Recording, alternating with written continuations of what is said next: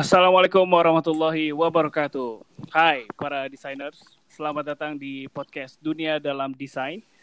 Podcast ini akan membahas topik seputar dunia product designers, mulai dari topik UX, UI, front end, bisa juga kita bahas tentang uh, ilustrator, graphic design dan sebagainya. Nggak lupa juga teman-teman dari produk, product owner atau product management bisa gabung juga. Di podcast ini lo akan dipandu bareng gua, Brian, dan teman gua Tri Nugraha. Di tiap episode kita akan ngundang narasumber yang insya Allah barokah dan bermanfaat dalam dunia desain. Nah, kita bisa ngobrol tentang tips and trick, tutorial, dan juga knowledge dan experience sharing dari para expert. Oke, di episode pertama ini uh, kita akan kedatangan uh, tamu dari Tokopedia bernama Rian Handi yang akan sharing topik seputar desain sistem. Oke, mari kita simak bersama.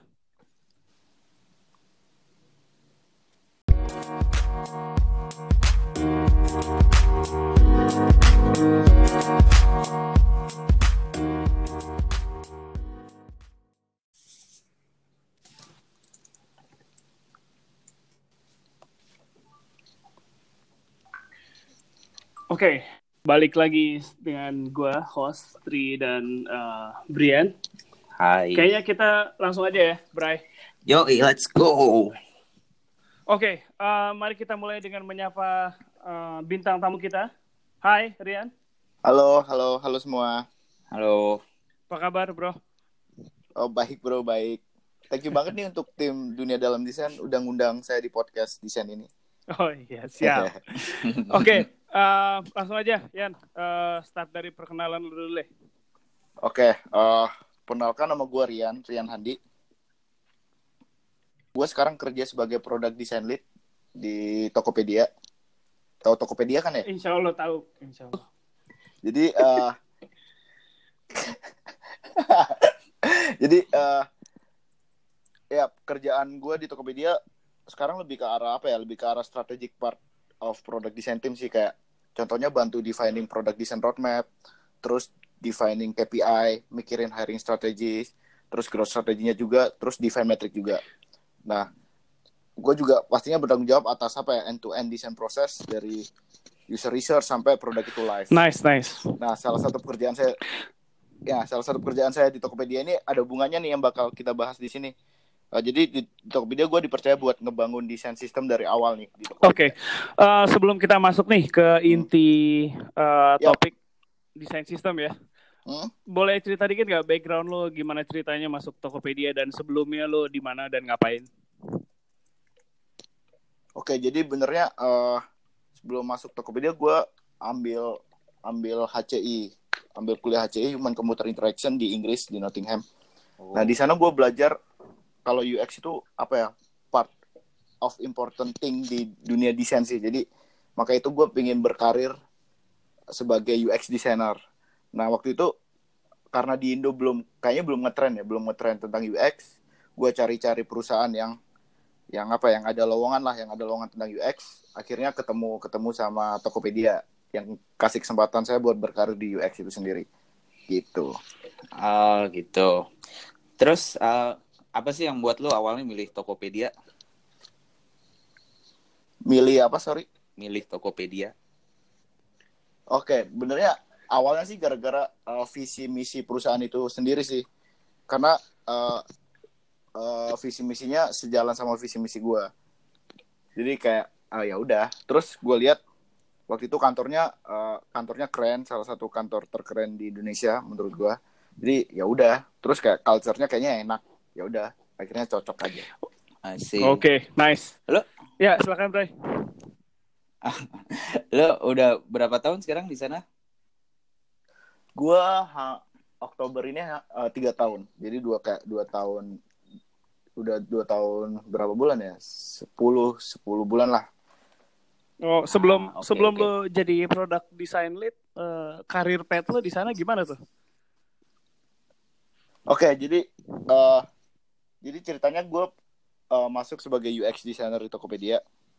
Uh, gue dulu apa ya? Uh, uh, UX pertama yang di hire dari luar di Tokopedia gitu. Jadi gue masuk, terus setelah itu uh, kita bentuk UX team. Dulu UX tuh ada tiga di Tokopedia, cuma ada tiga, sekarang udah hampir ada 30. Setelah itu, setelah itu uh, pernah jadi UX lead juga, baru dipercaya uh, promosi lagi sebagai product design lead kayak gitu. Oke, okay, sip. Kayaknya udah cukup ya background tentang uh, Bapak Rian ini, cukup kece backgroundnya. Um, Oke, okay. sekarang kita masuk ke topik nih. Kenapa lo pas kita undang, kenapa lo mau bahas desain sistem? Oke, okay, karena uh, kayaknya sekarang lagi hot topic ya. Kayak di mana-mana ngomongin desain sistem di mana-mana uh, ada banyak artikel tentang desain sistem. Nah, benernya kalau di Tokopedia sendiri desain sistem ini kita udah uh, bangun mulai uh, 2016 awal gitu. Jadi gue pingin sharing aja sih ke teman-teman uh, apa yang gue apa yang gue rasain waktu bangun desain sistem dari nol gitu sih. Dan gue berharap banyak uh, teman-teman uh, yang dengerin podcast ini bisa ambil pelajaran dari pengalaman saya gitu. Oke. Okay. Oke. Okay.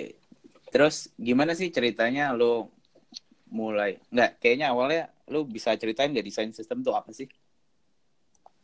Yap. Nah, benernya banyak nih yang definisi desain sistem nih. Jadi kalau lu Google tuh banyak banget dan definisinya beda-beda. Uh, gua kutip dari uh, Invision Design Better jadi desain sistem itu adalah kumpulan komponen desain yang dapat digunakan kembali atau dipandu oleh standar yang jelas yang dapat dirangkai bersama untuk membangun sejumlah aplikasi. Nah itu menurut uh, Invision ya. Tapi kalau menurut saya pribadi sih desain sistem itu bukan cuma kumpulan komponen desain sih, tapi bisa lebih besar lagi. Jadi uh, menurut gua kayak kumpulan aturan atau rules, terus batasan dan prinsip atau bahasa desain itu sendiri yang dapat ntar diimplementasikan dalam desain maupun code gitu. I see, got it. Terus nah, um, ya. Uh, kenapa nih pas lo lagi di Tokopedia kan sebelumnya belum ada desain sistem kan ya berarti? Uh, benar benar. Terus kenapa tahu-tahu lo uh, decide bahwa oh kayaknya gue harus implement desain sistem nih di sini? Gitu. Nah kebetulan waktu itu uh, di Tokopedia uh, desainer uh, sekitar ada 25 orangan lah. Nah waktu gue masuk Tokopedia gue sebagai anak baru tuh bingung banget karena waktu gue masuk nggak ada desain guidelines, nggak ada desain dokumentasi. Jadi waktu gue desain ya terserah gue gitu.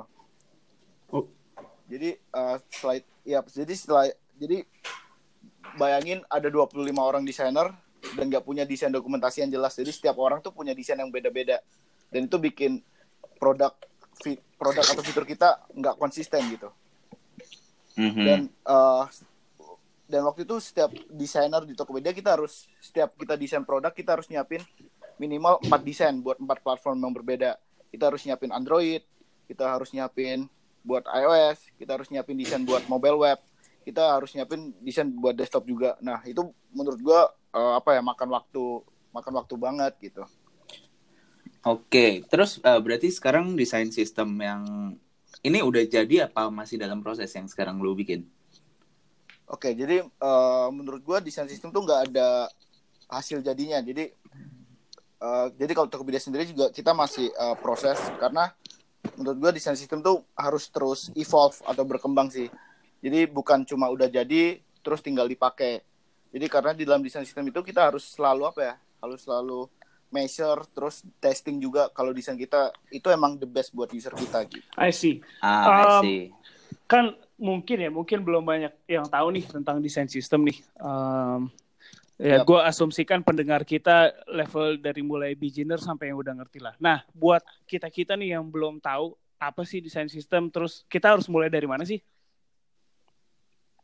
Ya. Benernya uh, gampangnya sih desain sistem tuh uh, hasil outputnya tuh uh, pertama tuh desain library sih atau desain dokumentasi. Nah jadi kalau kita mau mulai bikinnya tuh benernya harus tentukan goalnya dulu nih atau tujuannya nih. Jadi uh, nggak lucu juga kan kalau kita bikin desain sistem tapi cuma buat keren-kerenan aja gitu.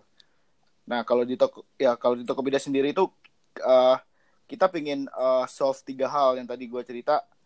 Uh, kita pingin solve efisiensi uh, kerjaan desainer. tadi kan gue cerita kalau setiap desainer harus bikin empat Mhm. platform tuh. Nah, diharapkan dengan adanya desain sistem ini, desainer cuma eh, bikin dua desain aja, mobile sama web gitu. Jadi satu desain buat semua platform. I see. Terus yang keti- yang kedua kita pengen eh, solve masa- masalah konsistensi. Tadi di Tokopedia sendiri eh, karena banyak desainer, mereka desain sendiri-sendiri, tidak ada desain dokumentasi yang jelas, kan nggak konsisten tuh. Nah kita pengen adanya desain sistem ini, eh, desain yang kita buat di Tokopedia itu jadi lebih konsisten gitu. Dengan Hmm. adanya eh, desain sistem ini. Jadi eh, jadi eh, desain sistem ini lingkupin desain doang ataukah code juga? Terus kayak kalau misalnya termasuk code, apakah code-nya itu front end doang, eh, front end web doang atau termasuk library di iOS, Android semua gitu? Yap, eh, itu depends, eh, depends di company mau bikin desain sistem itu sedalam apa. Kalau di Tokopedia sendiri, kita bikinnya bukan cuma buat desain doang, tapi kita bikin eh, code-nya juga. Hmm. Jadi kita eh, bikin eh, desain, kita bikin code library untuk React, React Native. Terus untuk native sendiri kita juga bikin. Jadi benar-benar kita benar-benar untuk sekarang sampai eh, sampai level front end, sampai level front end, sampai level sedalam interaksinya juga kayak gimana gitu. Jadi developer juga bisa pakai, bukan cuma desainer. I see. Gitu. Berarti emang em, segala sesuatu yang plannya matang emang harus dimulai dari goalnya dulu ya, tujuannya itu apa gitu. Oke, Yap, setelah setuju. eh, goalnya udah eh, terdefine nih, abis itu kita mesti ngapain lagi nih? Hmm. Nah, setelah itu eh, kalau itu Tokopedia sendiri kita cari siapa nih yang mau eksekusi, siapa nih yang mau ngerjain gitu kan. Nah, kalau di Tokopedia sendiri eh, kita nentuin nentuin siapa yang mau kerjain tuh eh, kita waktu itu baca Medium sih. Kita baca Medium dari Nathan Curtis. Jadi beliau itu UX veteran gitu. Dia nulis eh, Medium bagus banget. Dia eh, bikin bikin apa? Bikin artikel tentang tim model. Jadi dia bilang ada tiga tim model untuk ngebangun desain sistem itu. Oke, Ini gue jelasin satu-satu dia aja kerja ya. di mana tuh si Nathan Curtis? Si Nathan Curtis dia eh, dia UX consultant sih, jadi dia Oh, pindah-pindah oke. gitu. Oke, Tapi dia udah veteran Oke. gitu. Hmm.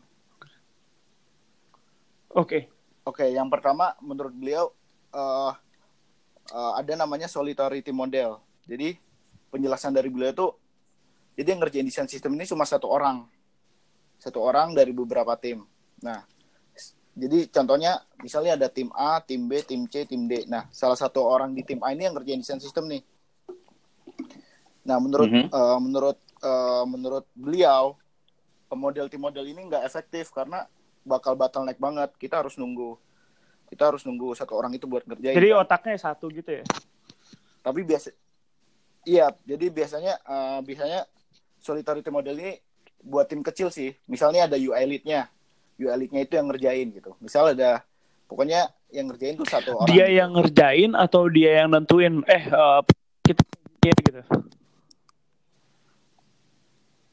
Iya, jadi dia ngerjain desain sistem tapi dia juga ada kerjaan Oh, lainnya dari eh, dari tim tersebut. Oke. Oke. Jadi yang terus yang kedua ada namanya centralized team model.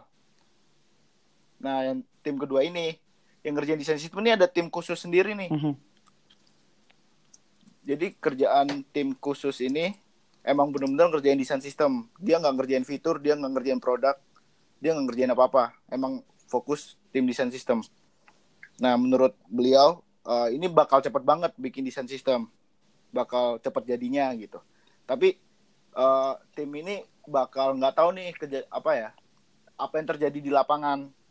Dia bikin desain sistem cuma ya udah bikin aja, tapi nggak nggak apa ya, nggak nggak tahu nih bisa dipakai nggak sama tim lain gitu. Hmm. Eh, kalau nggak salah centralized team Nah, model ini yang ada- dipakai Spotify bukan sih? Yang Hmm? glue itu bukan ya? Iya, jadi kalau jadi benernya centralized model ini cocok buat eh, tim desain yang udah mateng, maksudnya yang eh, yang udah terstruktur rapi. Jadi mereka benar-benar percaya sama tim centralized itu. Jadi apa pun yang dikatain tim centralized ya udah mereka percaya. Tapi kalau yang tapi kalau di company yang maksud eh, maksud saya strukturnya masih ya masih explore, masih cari apa ya best work for buat desainer ini kurang cocok sih karena ya itu Ah, desainer ya. ngerasa terkekang jadi eh, ngerasa terkekang karena gua karena desainer ini ngerasa eh, gua harus ikutin buatan orang lain desain buatan orang lain kayak gitu Oke. Jadi si centralized team ini malah kayak menghalangi tim lain untuk berkreasi gitu kali ya. Karena benar jadi kayak di Hmm. Iya benar. Jadi kayak diktator gitu. Gue bikin A lu harus pakai A gitu. Gue bikin B lu harus pakai B Oke. kayak gitu. Tadi ada solitary, terus ada centralized. Nah, Tokopedia pakai yang mana nih? Nah benernya ada yang Oh, ketiga gitu. nih federated. Fed- Federated hampir sama kayak tim yang kedua. Jadi company punya eh, punya tim khusus, punya tim khusus buat ngerjain desain sistem. Anggotanya ditarik dari beberapa tim di Tokopedia itu sendiri. Jadi misalnya tim A punya satu, tim B punya satu, tim C punya satu yang ngerjain desain sistem. Tapi eh, desainer yang ngerjain desain sistem ini punya kerjaan masing-masing di tim tersebut. Nah, Tokopedia dulu sempat sempat ini sempat pakai tim tim model ketiga, tim federated. Tapi eh, nggak jalan juga. Karena apa? Karena ya itu, karena eh, yang ngerjain desain sistem diambil dari beberapa tim dan eh, yang yang dari beberapa beberapa tim itu masih apa ya masih terlalu bias lah masih terlalu subjektif. Mereka masih mentingin tim timnya sendiri gitu. Ah, jadi yang dibikin sama dan dan apa ya perwakilan dan tim? hasilnya tuh lambat juga. Nah setelah setelah si- ya setelah itu kan ya jadi eh, dari dari ketiga itu Tokopedia sempat nyoba eh, tim model yang ketiga gitu. Oke. Terus eh, pas lo lihat em, tadi lo bilang nggak begitu jalan, akhirnya lo coba Yap. cara lain apa gimana? Iya, jadi benernya, nah ini enaknya di Tokopedia kita fleksibel banget, jadi kita eh, nyoba-nyoba bisa gitu. Oh iya, pro- Jadi- promosi ya, bos ya. Jadi waktu itu eh, kita nemuin eh, nemuin eh, case study dari Salesforce. Oke. Jadi Salesforce Salesforce itu juga eh, timnya udah gede, terus dia bikin desain sistem juga. Nah, kalau si Salesforce ini eh, nama leadnya Gina N, dia itu gabungin antara tim kedua dan tim ketiga. Jadi digabungin. Jadi digabunginnya gimana? Jadi ada tim khusus yang ngerjain desain sistem, timnya benar-benar khusus. Tapi di tim khusus ini ada pairing di setiap tim. Oke. Jadi misal uh, jadi dari tim A ada pairingnya, ada tim B ada pairingnya. Jadi tim desain sistem ini benar-benar tahu apa yang terjadi di lapangan. Terus apa concern dari setiap tim. Jadi yang dibikin uh, bikin yang dibikin apa yang dibikin tim ini benar-benar based on feedback dari setiap tim sih kayak gitu. Jadi benar-benar win-win solution gitu. Jadi misalnya let's say di Tokopedia ada lima tim besar nih. Terus Yap. ada satu eh, tim desain sistem konsis lima orang juga. Nah setiap lima orang itu pairing ke setiap lima tim itu. Yap, jadi uh, pairingnya setiap tim itu punya apa ya? Punya kayak punya perwakilan. Perwakilan Kalau ya. Tokopedia kita panggilnya, ya kita panggilnya agen. Jadi agen ini yang berdang apa ya? Yang tektokan terus lah sama tim desain sistem gitu. Oh oke. Dan ini sampai saat ini tim ini uh, tim model ini masih dipakai sih.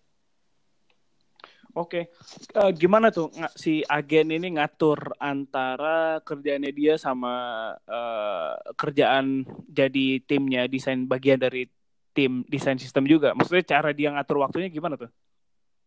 Oh, jadi benernya agen ini uh, nggak ngerjain desain sistem, tapi mereka cuma sebagai apa ya? Sebagai jembatan, sebagai jembatan antara tim ke tim desain sistem. Jadi uh, dia kayak apa ya? Kayak kayak kasih uh, feedback, kasih masukan, terus kasih solusi juga. Tapi yang eksekusi bener-bener tim khusus desain sistem itu. Oke. Jadi yang Mungkin- agen ini bener-bener nggak apa ya? Bener-bener fokus sebagai penjembatan lah antara tim tim di tim uh, timnya dia sama tim desain sistem itu. Jadi si agen ini bakal ngasih kayak spek yang dia butuhin untuk modul dia gitu misal. Iya, jadi ntar tim desain sistem yang bakal ngumpulin feedback dari setiap tim, baru kita bikin ini apa solusinya buat setiap tim biar semua bisa pakai. Ngatur waktunya gimana tuh? Kan mungkin kayak ada yang mau nerapin nih, misal eh, gimana ya gue apakah meeting tiap minggu, apa tiap bulan atau gimana? Oh, I see. Jadi kalau di Tokopedia eh, kebetulan waktu itu uh, desain sistem didukung banget sama manajemen. Jadi kita hampir setiap uh, setiap dua minggu kita ada pairing session namanya pairing session. Jadi semua desainer tuh kita kumpulin tuh. Kalau di Tokopedia waktu itu ada 100 lebih lah, 100 lebih desainer. Kita kumpulin. Terus di situ waktu pairing session itu wah itu benar-benar kita apa ya benar-benar kita explore nih apa yang best buat semua tim kayak gitu. Jadi benernya kalau ngatur waktunya tergantung company-nya mau uh, mau kayak gimana sih. Kalau di Tokopedia sendiri kita uh, ngelakuin pairing season itu kayak setiap dua minggu sekali gitu. Oke, okay. um, oke, okay, got it. Um, tadi kan berarti abis milih tim model ya tadi ya kita pembahasannya. Yep. Abis itu abis kita udah ketemu nih misalnya gue mau pilih yang tiga atau gue hybrid kayak dua plus tiga. Abis itu kita ngapain lagi? Yep. Setelah itu baru nih kita baru mulai eksekusi, baru mulai apa sih yang mau dibikin di desain sistem itu? Mm-hmm. Nah kalau di Tokopedia sendiri kita startnya mulai bikin desain library-nya dulu, desain dokumentasi dulu lah. Nah di situ baru kita bikin fondasinya tuh. Karena kita konsepnya maunya bikin kayak Lego block gitu kan. Jadi kita bikin uh, blognya tapi yang mau bikin sesuatu terserah desainer. Jadi kita benar-benar harus kuatin fondasinya dulu nih. Nah kalau di desain sih uh, uh, fondasi itu kan ada beberapa hal kayak warna tipografi terus space and size terus icon ilustrasi juga bahasa. Nah jadi benar-benar harus di fixin dulu nih. Misal kalau Tokopedia warna harus hijau. Hex colornya sekian. Ya udah. Jadi semua desainer harus komit kalau pakai warna hijau hex colornya harus harus segitu. Terus misal tipografinya harus pakai font ini. Kita benar-benar harus komit dulu untuk bikin fondasi yang kuat. Uh, berarti fondasi ini termasuk kayak interaction animation gitu-gitu ya? Benar-benar interaction terus kalau ada motion kalau kalau misal ada sound juga bisa dimasukin. Jadi benar-benar apa ya hal-hal dasar yang yang apa ya yang sering yang sering reusable lah di desain jadi misal kalau warna kan sering banget terus ada mm-hmm. font pasti tipografi pasti kan jadi kayak hal-hal hal-hal dasar yang ini sih hal-hal dasar di desain sih kayak gitu oke okay. terus uh, kalau lu bikin produk buat Tokopedia kan berarti yep. lo pasti ada apakah ada kerjasama sama tim branding tim kreatif gitu benar-benar hmm. Nah jadi jadi kita uh, lebih baik juga tektok sama tim branding juga sih, karena kita kita karena kita waktu bikin desain sistem kita juga mikirin apa ya? Mikirin uh, branding uh, bahasa desain kita tuh mau dibawa ke mana. Nah itu harus benar-benar tektok sama tim branding. Ini nyalain aturan tim branding nggak? Atau ini nyalain aturan tim kreatif nggak?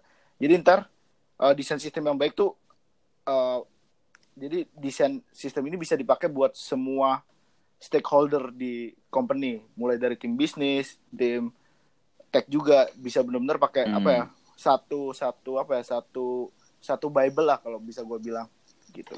Ah, terus oke. Okay. Uh, kalau mungkin beberapa desain sistem gue pernah lihat ada yang termasuk sampai uh, desain sistem saat lo bikin uh, konten marketing gitu kayak banner atau yep. uh, lo hmm. bikin billboard banner gitu. Nah kalau yep yang lu bikin saat ini termasuk sampai sana juga gak sih?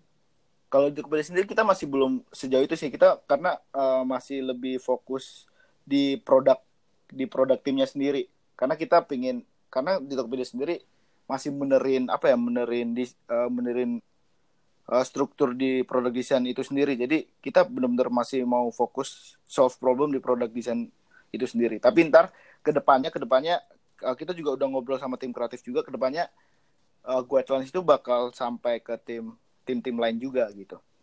Yang yang okay. udah kita mulai sih kita bantuin tim kreatif buat banner guidelines sih. Jadi kayak banner guidelines tuh ukurannya harus berapa, fontnya harus berapa, terus uh, jadi ntar tim kreatif cuma bikin beberapa uh, bikin beberapa ukuran doang, tapi bisa dipakai di semua platform di Tokopedia. Oke. Okay. Ah.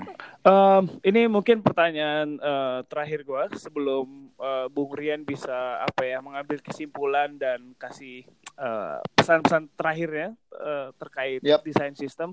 Jadi pertanyaan gue kan uh, lo pada udah bikin uh, desain sistem nih, tapi kan namanya desainer kan biasanya anak-anaknya kreatif gitu, nggak mau dikekang sama benar, benar. Uh, guide dan seterusnya. Benar. Nah, gimana nih cara ngejaga uh, anak-anak desain Tokopedia supaya uh, tetap tersalurkan kreativitasnya gitu.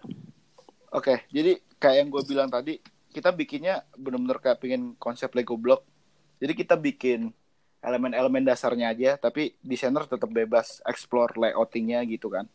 Nah, terus yang pasti kita juga pasti ngelibatin uh, desainer-desainer lain buat uh, buat involve uh, di desain sistem. Jadi kayak tadi gue bilang kita ada pairing session, ada pairing session. Jadi dari situ uh, kita ngelibatin nih desainer desainer buat uh, buat kasih ide, buat kasih apa ya, kasih masukan buat desain sistem kita sendiri.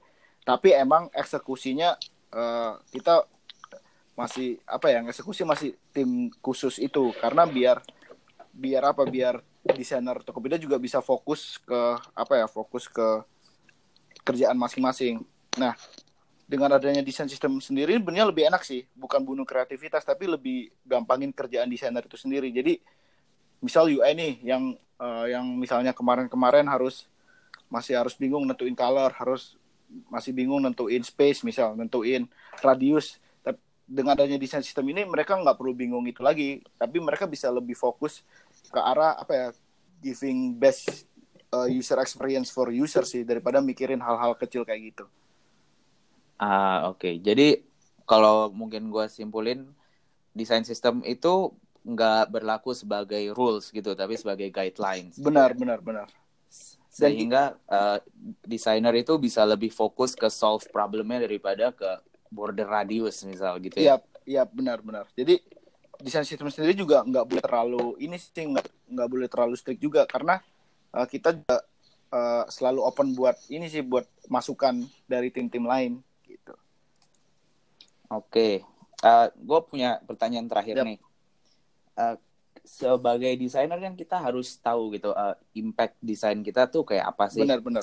Jadi uh, gimana sih cara lo measure uh, before and after desain sistem ini berjalan impactnya apa gitu dan gimana cara lu measure? Oke, okay, jadi kalau di Tokopedia kita impactnya uh, kita mengukur banyak hal. Misal kalau misal contohnya konsistensi kita mengukur konsistensinya makin konsisten atau enggak. Jadi kalau kalau di Tokopedia kita punya apa ya punya punya list list page yang enggak konsisten.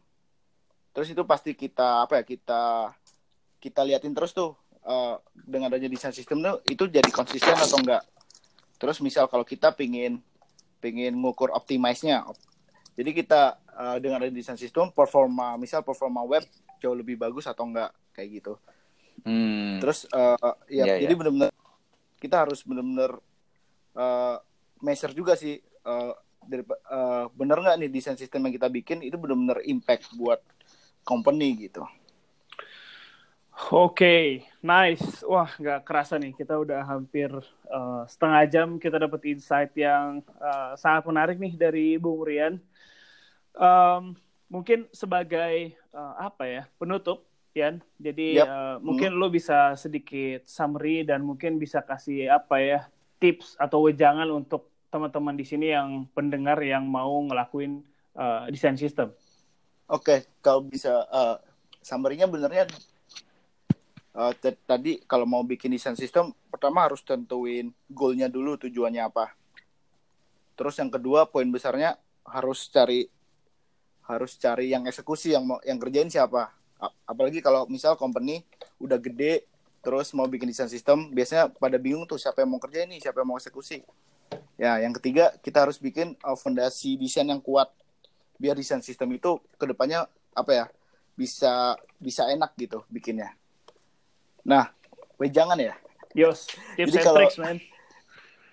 Jadi kalau di jadi kalau di Tokopedia uh, apa ya? Mungkin lebih ke arah komunikasi sih, komunikasi ke arah sama desainer, sama developer juga. Karena gue dengar uh, apa ya teman-teman gue di perusahaan lain banyak desainernya nggak setuju dengan adanya desain sistem ini. Jadi benar-benar benar-benar harus komunikasi dan kalau bisa desainer uh, yang lain tuh dilibatin buat buat involve di desain sistem ini gitu.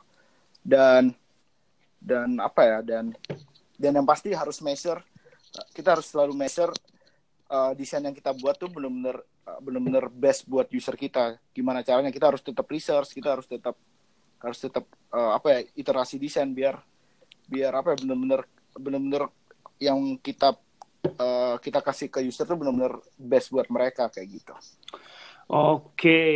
thank you banget uh, Rian. So uh, yep. kita udah dengar semua.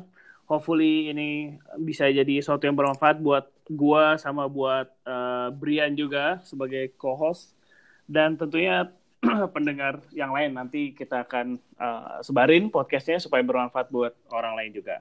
Oke, okay. um, sekali lagi thank you Rian. Jadi jangan kapok nanti kita undang-undang lagi ya, Bray ya. Yo, thanks Siap. Rian. Yes, thank you juga buat Bray uh, sebagai co-host gue malam ini. Uh, thank you atas thank waktunya. Thank you Katri atas undangannya.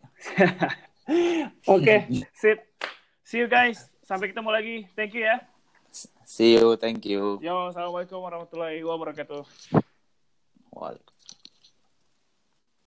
okay, alhamdulillah um, episode pertama tadi kita sudah menyimak bersama bareng Rian dengan topiknya desain sistem. Um, akhir kata, gue cuma berpesan jangan lupa favoritin kita di Anchor dan juga di akun kita Instagram, semuanya sama dunia dalam desain. So nggak pakai jalan Inggris tapi pakai jalan bahasa Indonesia dunia dalam desain.